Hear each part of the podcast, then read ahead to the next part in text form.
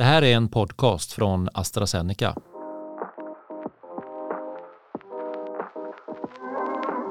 Karin, eh, du har ju en, eh, en okänd supertalang. Vi ska prata om eh, väldigt spännande saker här lite senare, men, men du är en, en fena på löpning, eller hur? Framförallt i, i ungdomen så var du väldigt duktig. Ja men precis, det stämmer. Jag har kört jättemycket friidrott när jag var ungdom och jag har tränat och tävlat för IF Göta i Karlstad, så jag höll på fram till jag var 18-19 ungefär och gick även på friidrottsgymnasiet. Och eh, jag var ju bra på framförallt 200 meter, det var det jag tyckte var absolut roligast. Jag har många ungdoms-SM-medaljer från skol-SM och stafett-SM. Men eh, jag sprang även 200 och 100 meter. Så du, du har medaljer i SM, har du flera stycken alltså? Ja, men precis. Ah, okay. ja. Vad är det? Silver, guld, brons?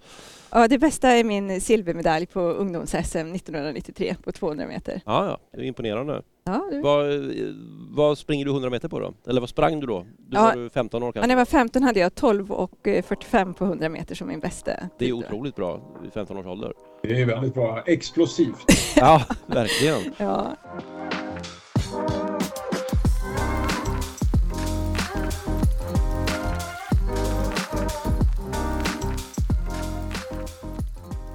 Ja, då säger jag varmt välkommen eh, till det här avsnittet av Snacka om livet, AstraZenecas podd. Och vi är väl inne på femte avsnittet nu så att eh, tiden går. Och med oss idag så har vi eh, Karin Jenbacken som är expert och forskare inom hjärta och stamceller här på AstraZeneca. Välkommen Karin! Tack så mycket, kul att vara här. Och som vanligt har vi Andreas Hedini här, medicinsk chef på AstraZeneca. Välkommen till dig också Andreas! Tackar, tackar! Och vi ska prata idag om någonting som är väldigt spännande. Det finns ju en del saker som eh, vi gör här på AstraZeneca som när man Eh, Eh, läser om dem så tänker man så här att det här måste ju vara science fiction. Det här känns ju nästan inte på riktigt. Eh, och det här är en sån sak som vi ska prata om idag. För att det är så att du Karin eh, och andra forskare här på AstraZeneca och forskare på ett företag som heter Procella Therapeutics. Ni håller på att ta fram en ny cellterapi för att läka skador på hjärtat efter en infarkt. Och eh, jag vet att ni samarbetar också med Karolinska institutet och även med Münchens tekniska universitet kring, kring de här sakerna. Kan du berätta hur fungerar den här cellterapin? Ja, men precis, det här är ett väldigt spännande område. Och eh, vi jobbar då med en celltyp som kallas Human Ventricular Progenitors och eh, jag kommer prata om dem som HVP-celler. Och det här är då omogna hjärtceller som vi har tillverkat från stamceller i labbet. Så att de här cellerna kommer att eh, injiceras i hjärtat och eh, sen är visionen för hela det här programmet att i hjärtat kommer de omogna hjärtcellerna mogna ut och så kommer de bli mogna hjärtmuskelceller. Så de kommer alltså att integreras med patientens egna, egen hjärtmuskel och eh, sen kommer de göra så att eh, skadan i hjärtat minskar, till exempel efter en infarkt. Då. Så de kommer reparera eh, hjärtat och sen hoppas vi då att hjärtfunktionen kommer att öka.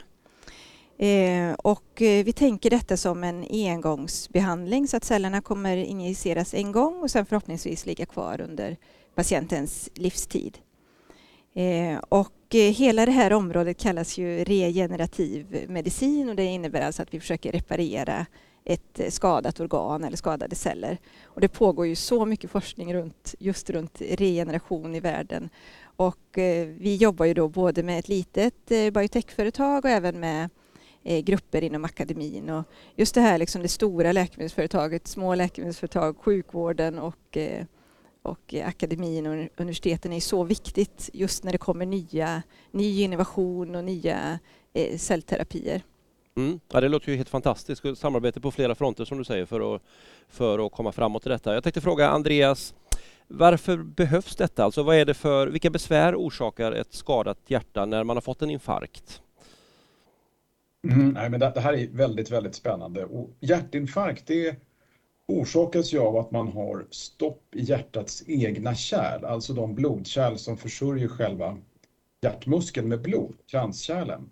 Och det här leder till att man får syrebrist i hjärtmuskeln och beroende på hur omfattande den här proppen är då så kan man få vävnadsskada, precis som Karin säger. Och när man alltså har fått en hjärtinfarkt så dör ju miljontals hjärtmuskelceller. Det är så att hjärtats förmåga att, att läka och återskapa de här cellerna är väldigt begränsad. Så att istället så får man då ärrvävnad eller fibros som, som försämrar hjärtats förmåga att pumpa runt blodet i kroppen. Då kan man få hjärtsvikt. Och det här kan ju orsakas av hjärtinfarkt, men det kan också vara andra saker. Man kan ha fel på klaffarna eller liksom fel i, i hjärtats eh, rytmsystem och, och sådär. Eller om man dricker mycket alkohol kan också sådana här saker hända. Och ibland vet man inte exakt vad som ligger bakom. Men det de här människorna upplever är oftast en väldig trötthet, en andfåddhet. Hjärtat orkar inte pumpa runt blod. Eh, man har svårt att sova när man ligger ner för då samlas det ju mycket blod som så att säga kommer centralt i kroppen och belastar hjärtat mer. Och, och eh, man kan också ha svullna anklar och ben. Att man får ödem, att det finns vätska som står kvar ute i kroppen och som hjärtat inte orkar pumpa runt. Eh, så att ja, det här är, det är liksom ett, ett vanligt och allvarligt tillstånd. Hur vanligt är det? Du pratar ju om att man kan få hjärtsvikt eh, efter en infarkt då, eh, för att cellerna dör och ersätts av ärrvävnad. Hur vanligt är det med hjärtsvikt? Eh, ja, omkring 200 000 personer i Sverige uppskattas leva med, med liksom besvär av, av hjärtsvikt och ungefär lika många har latent hjärtsvikt, det vill säga att de har en nedsatt eh, pumpförmåga eh, i hjärtat men som ännu inte har, har diagnostiserats. Sen är det väl också så att det här är ju någonting som stiger kraftigt med åldern så att om man tittar på, på människor som är över 80 år så är det en på 10 som, som har hjärtsvikt. Då. Eh, och, eh, eh, tittar man på sjukhus så är hjärtsvikt den vanligaste orsaken till att man lägger in eh, folk på sjukhus då, om man tittar på patienter över 65 år. Så det här gör att hjärtsvikt är en av våra eh, folksjukdomar. Mm. Eh, Karin, eh, de här patienterna då som eh, eh, skulle kunna vara behjälpta av detta, eh, är det så att de har så dåliga hjärtan så att de eh, behöver ett nytt hjärta helt enkelt? Ja, de här stamcellerna och de här omogna eh, hjärtmuskelcellerna skulle då kunna vara ett alternativ för de patienter som inte skulle kunna få ett transplanterat hjärta. Och vi vet ju att tillgången på organ är ju eh, svårt att få organ för alla och sen kan det vara att alla patienter inte kan gå igenom en hjärttransplantation. Så vi ser de här cellerna som ett alternativ för de som är riktigt sjuka och som kanske inte svarar på sin standardbehandling för som de står på för hjärtsvikt. Och eh, Andreas, du nämnde ju där förut att det är miljontals celler som dör efter en hjärtinfarkt. Och det kan ju vara upp till en miljard celler. Och en miljard celler är ju 20 gram vävnad så man kan ju tänka att det är ganska mycket vävnad som måste ersättas i ett sjukt skadat hjärta. Så, och, och 20 gram då om vi tänker, det skulle ju kunna motsvara en stor köttbulle om man tänker. Så det är ett stort hål som behöver ersättas med nya celler. Så det är därför också ett, ett hjärta, om vi lyckas med detta hade det varit en stor eh, framgång. Mm. Och det är intressant om man går lite mer in på eh, det här med cellerna då. Eh, hos foster och, och, små barn så har ju hjärtat eh, en förmåga att bilda nya hjärtmuskelceller men vuxna hjärtan är ju inte alls lika bra på det här. Eh, är det här, men här som jag förstår det då så skjuter man in nya celler eller, eller är det så att det är en slumrad förmåga så att säga hos hjärtat eh, som man liksom stimulerar, eller hur fungerar det? Ja, men precis. Och det här är ett jättespännande område, för precis som du säger så i ett, under fosterutvecklingen så delar ju hjärtmuskelcellerna sig och bidrar till nya hjärtmuskelceller. Och sen när man föds, då försvinner den förmågan och omsättningen av hjärtmuskelceller är ju lägre än 1 i en vuxen människa. Så det här är ju en utmaning att kunna liksom väcka upp de förmågorna igen och jag är väldigt intresserad av detta och tänker mycket på det här eh, hela dagarna. Så det finns ju egentligen lite olika strategier då om man pratar om regenerativ medicin och hjärtat och en är ju att vi ger tillbaka de stamcellerna som som skulle kunna bilda nya hjärtmuskelceller och det är det vi pratar om idag. Eh, en annan strategi är ju att man faktiskt igen skulle kunna stimulera hjärtmuskelcellerna att hitta tillbaka till det här som de hade under fosterstadiet. Och då kan man ju ge till exempel kemiska substanser eller modifierat mRNA som producerar ett protein som gör att cellerna i sig börjar dela sig. Vad är det för något? Modifierat mRNA? Ja, men det är ju en, ett mRNA då, som producerar ett protein och sen kan det här proteinet då i sin tur eh Eh, stimulera hjärtmuskelcellerna att eh, dela sig. Så det är egentligen ett, eh, eh en liten mRNA-sekvens som producerar olika proteiner som är ett biologiskt eh, läkemedel. Men och för att upptäcka detta då så, så har ju ni helt enkelt studerat eh, de här eh, omogna eh, hjärtcellerna, alltså så kallade HVP-celler som du nämnde i början. Då. Eh, det är alltså celler då som spelar en stor roll när hjärtat eh, byggs upp under fostrets utveckling. Hur går det till när ni studerar det här? Odlar ni fram de här cellerna då från ett mänskligt cellprov så att säga? Ja, men precis. Så att vi startar med en pluripotent stamcell i labbet. Vad är det för något? Ja, pluripotent? Ja, det är en väldigt eh, spännande typ av cell. Så då, en pluripotent stamcell kan i princip bli vilken cell som helst i kroppen. Så att den kan bli ett, ett hjärta, den kan bli en lever, den kan bli eh, till en nervcell. Men i labbet så gäller det att ge de här pluripotenta stamcellerna exakt rätt signaler så att de bildar det vi vill. Och I vårt fall är ju det en omogen hjärtmuskelcell. Så att i labbet så odlar vi cellerna och så tillsätter vi olika eh, substanser som gör att de här cellerna drivs att bli en omogen hjärtmuskelcell. Och eh, det tar ungefär en vecka i labbet. Och efter det så gör vi en, en jag kan kalla det en reningsprocess. Det är viktigt att eh, våra celler är rena. Vi vill bara ha omogna hjärtmuskelceller. Det är viktigt för säkerhetsaspekten av cellerna. Och sen efter det så fryses de här cellerna ner så att de kommer bevaras i, i låg temperatur. Och sen då så är planen att de kommer skickas ut till sjukhusen och på sjukhusen så kommer cellerna att tinas eh, och där kommer de injiceras i, i hjärtat. Eh, och sen pratade vi också lite om just mängden celler. Eh, och vi kommer ju behöva producera miljarder celler i labbet. Så det är väldigt viktigt att ha en enkel process, ett bra system för att generera mycket celler på kort tid och sen alla de här eh, kvalitetssystemen, dokumentationen eh, runt cellerna. Hur lång tid tar det? Miljarder, det, låter, det är ju väldigt många. Ja, men precis. Och det beror ju lite på för att det tar ju en från att vi börjar från de pluripotenta stamcellerna till att vi har våra omogna hjärtmuskelceller, då tar det en vecka. Men det beror ju lite på hur mycket kan du göra parallellt då. Så vi tittar ju på de här storskadliga odlingssystemen. Eh, kan vi få upp det i en 3D-process till exempel? Så det är ju sånt där, när vi gör en liten klinisk prövning, då kan vi ha ett mindre eh, odlingssystem. Men när vi går sen till fas 3-studier och när vi har en produkt på marknaden, då behöver vi ju ha eh, större förmågor för att producera mycket celler. Vad är en 3D-process? Vad skulle det innebära? Eh, ja, men då odlar du ju cellerna kanske i en roterande flaska eller mer en bioreaktor. Eh, inte att de sitter på en yta, inte att de sitter inte på en plan yta för det kallas 2D då, mm. utan att de sitter mer i en flaska eller en bioreaktor och eh, odlas mer i kluster. Ja, och då kan du få fram större mängd celler. höjd också, inte bara bredd och längd. Ja, men exakt. Ja. Ja. Eh, men eh, de här cellerna då som ni har eh, odlat fram då, eh, då har ni testat dem i en labbmiljö då, där man också har skadade hjärtceller som jag förstår det.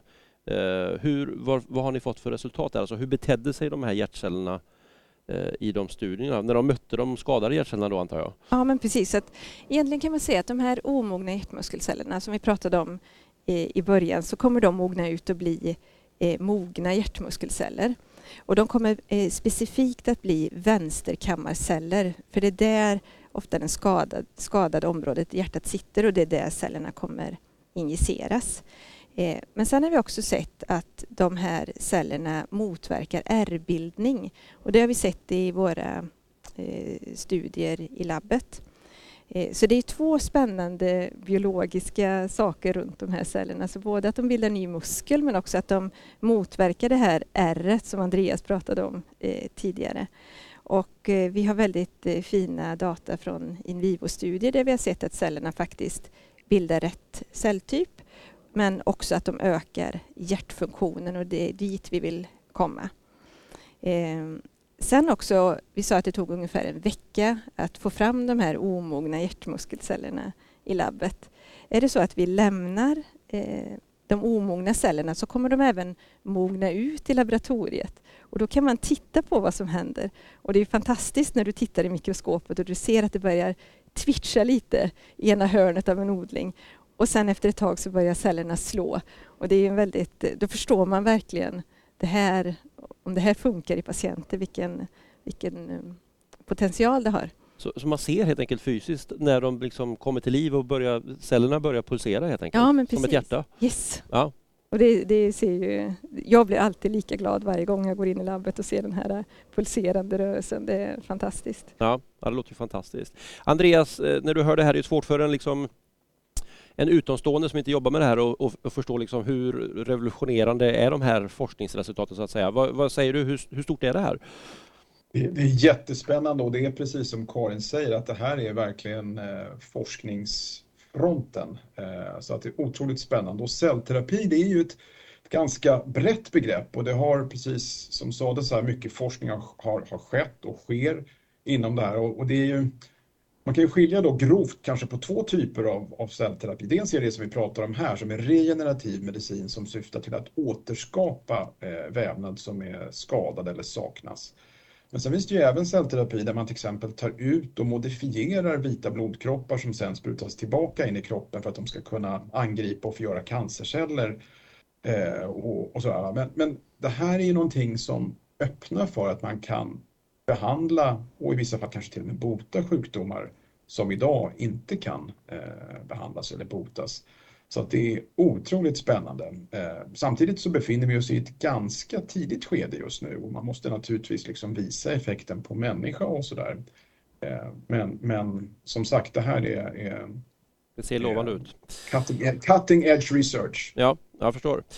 Eh, Karin, det är ju alltid så eh, att när man tillför något i människokroppen som människokroppen inte känner igen så finns det en risk så att säga, för att människokroppen säger nej tack, det där, den där tillhör inte mig och så stöter den bort det här. Hur, hur är det med de här eh, cellerna då? Eh, finns det inte risk att människokroppen stöter bort de här nya hjärtcellerna. De ska inte vara där egentligen så att säga. Nej men precis, och det kommer hända här också.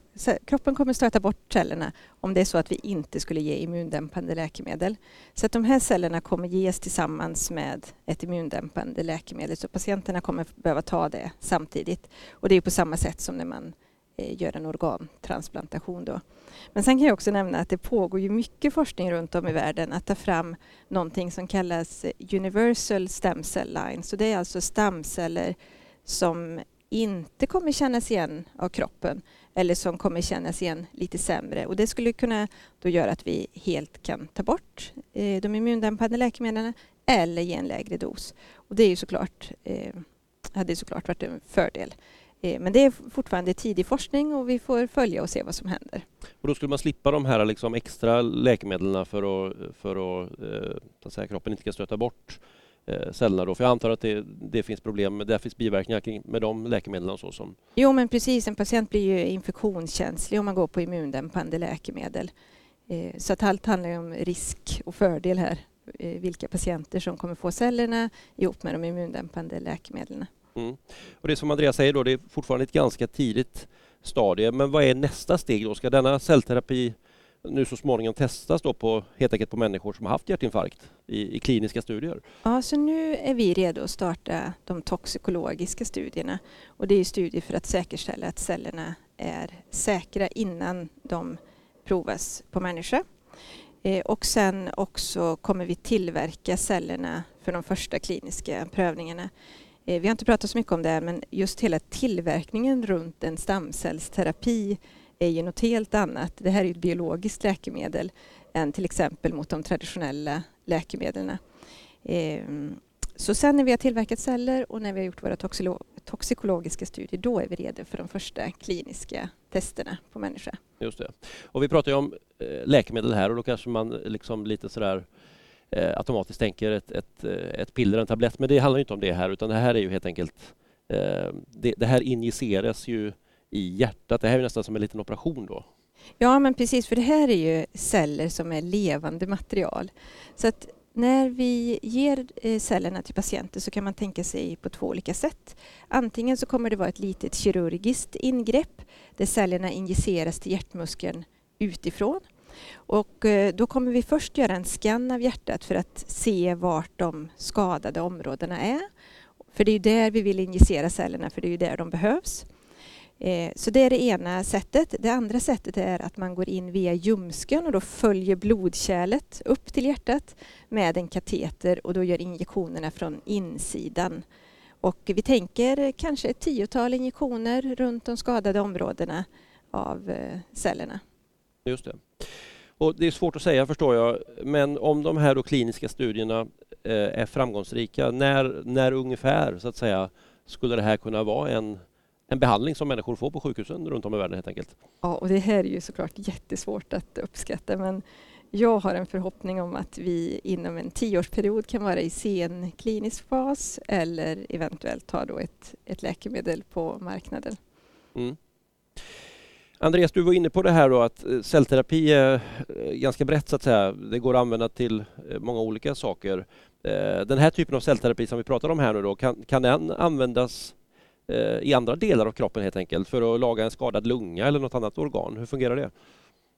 Ja, absolut. Det här är ju då ett område där det pågår jättemycket forskning och till exempel gällande sjukdomar som diabetes, framförallt typ 1 då, där, där kroppens insulinproducerande celler har förstörts i bukspottkörteln. Där håller man på väldigt mycket med det här. Parkinson är en annan sjukdom och andra neurologiska sjukdomar där celler förstörs som inte kan regenereras naturligt i kroppen. Eh, men det öppnar ju för att kunna användas för att ersätta skadad vävnad egentligen överallt. Det finns studier på njurar, lever, gallvägarna framför allt och sådär. Så att väldigt, väldigt mycket forskning bedrivs på det här området. Men om du säger skadad vävnad, alltså eh, nu pratar vi till exempel en hjärtinfarkt, då, något som sker liksom i kroppen. Men, men man kan ju skada kroppen rent fysiskt eh, på grund av liksom, eh, så att säga, extern åverkan. Eh, går det här att användas också? Om man, om man hugger sig i benet med yxan, kan man använda cellterapi för att liksom laga eh, de skadade cellerna då? Det kan man naturligtvis göra, men, men det har ju också lite grann att göra med att man först och främst är intresserad av, av sjukdomar där kroppen inte naturligt har så bra förmåga att återskapa vävnad. Som till exempel i, i, i hjärtat. Då. De stora musklerna, till exempel i benet eller i armen eller sådär, har ju ändå en hygglig sån förmåga, men det beror ju naturligtvis också på hur pass stor skada man har. Teoretiskt sett så skulle det ju kunna användas även där, men forskningen i dagsläget är liksom inte eh, skulle jag säga, huvudsakligen inriktad på den typen av skador. Nej, men om man tänker då typ, om, om någon eh, råkar ut för en skottskada eller en bilolycka där organ skadas, alltså där det inte liksom är sjukdomar som ligger i, i botten, kan det användas vid den typen av liksom olycksfall? Karin? Ja, men jag tänker till exempel om du har skadat nerverna vid en olycka. Då skulle ju en stamcellsterapi kunna ersätta skadade nerver. Mm. Eller om du har skadat en led kanske vid en skada eller så. Då skulle också en stamcellsterapi kunna vara en möjlighet. Och det här är ju ganska vanliga skador vid till exempel trafikolyckor, att en led eller en nerv eller man pratar om whiplash-skador och så vidare. Alltså, eh, det skulle kunna användas här också. Alltså. Ja, jag ser jättepotential i stamcellsterapi och det är så roligt nu att fältet verkligen exploderar av olika studier och det är så många forskare som är engagerade i detta. Mm.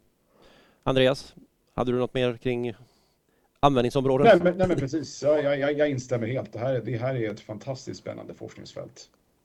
Om man blickar framåt nu då och uh, tittar på processen framöver, vad finns det för utmaningar? Ja, men det finns ju en del utmaningar som vi behöver jobba runt. Det här är ändå en ny typ av stamcellsbehandling som vi försöker få fram. Och en av dem är att det är viktigt att eh, våra celler är rena. Vi vill bara ha omogna hjärtmuskelceller i, eh, i, i, i själva cellinjektionen. Och, eh, så det gäller, vi har ju också det här reningssteget då, vi pratade om tidigare i tillverkningsprocessen, där vi tar bort de pluripotenta stamcellerna som vi hade som startmaterial. Eh, vi har inte sett eh, några indikationer på att vi skulle få orena celler, så att allt ser väldigt bra ut på den sidan. Det är bara helt enkelt hjärtmuskelceller i, eh, som ni ser? Precis. Ja, och de här eh, pluripotenta, de här stamcellerna då, de ska inte vara med i processen mer än i början för då kan de börja liksom göra andra typer av celler från andra delar av kroppen som inte ska vara med här. Ja, men det stämmer. Så att de vill vi inte ha tillsammans med våra hjärt hjärtmuskelceller som injiceras. Så det är därför detta reningssteget också är så viktigt Mm. som vi gör innan cellerna fryses ner. En annan utmaning med en stamcellsterapi för hjärtat är att det kan orsaka hjärtrytmrubbningar efter injektionen. Och eh, det gäller ju att vi tittar mer på i våra säkerhetsstudier. Så att det är väldigt viktigt att vi hittar fram till rätt cell som då är både säker och som är effektiv. Eh, En annan utmaning med en stamcellsterapi, vi pratade lite om det här med att eh, patienterna behöver ha immundämpande läkemedel men just det här runt eh, eh an- eh, immunogeniciteten på cellerna och att de kan stötas bort är också någonting som, som vi behöver titta mer på. Just det. Och det är intressant det här med att man måste använda rätt typ av celler, alltså hjärtmuskelceller till hjärtat helt enkelt. Eh, för att det har väl gjorts försök eh, tidigare, för många decennier sedan, eller eh, för en 20 år sedan ungefär, eller hur? Där man har använt helt enkelt fel celler. Ja men precis, de första injektionerna av celler till hjärtat gjordes för mer än 20 år sedan. Och då injicerades en skelettmuskelcell till hjärtat på patienter. Och en skelettmuskelcell kan ju till exempel komma från muskelcellerna i benet. Och eh, de studierna visade att eh, cellerna inte var så effektiva och eh, det andra var att de också orsakade hjärtrytmrubbningar. Så jag tycker att det är ett tydligt exempel på att det var helt enkelt fel cell att injicera i ett hjärta. Sen har det också eh, varit många studier med en typ av eh, stamcell som heter eh, mesenkymala stamceller. Och eh, de cellerna kommer inte heller från hjärtat från början utan man vet nu att de cellerna injiceras i hjärtat och sen stannar de bara kanske ett par dagar, en vecka, eh, upp till en månad och sen försvinner de. Så det blir bara en tillfällig effekt. Vi vet ju att våra HVP-celler är omogna hjärtmuskelceller. Vi vet att de är viktiga för eh, hjärtats utveckling under fosterstadiet. Så därför tror vi att det här är helt rätt celltyp. Andreas, det, det känns som att det, det finns en del utmaningar men att man i det här projektet har lyckats så att säga ta sig förbi och är på rätt väg på något sätt, eller hur? Ja, men det, det tycker jag. Alltså det är ju som sagt, det är ju en, en viss väg kvar och då får man ju eh, studera det här. Det är ju jätteviktigt att man har koll på det. Det här är saker som vi nu kan, kan se att vi behöver titta extra noga på. Eh, men samtidigt så finns det inga tecken just nu på att det skulle vara någon av de här sakerna som Karin tar upp som, som skulle vara särskilt bekymmersam, utan det får ju kommande studier visa. Just det. Spännande, vi följer de studierna eh, och med det så säger jag tack och jag säger stort tack till dig Karin Jennbacke för att du gästar oss här idag Tack så mycket. och tack till dig också Andreas. Tack så mycket!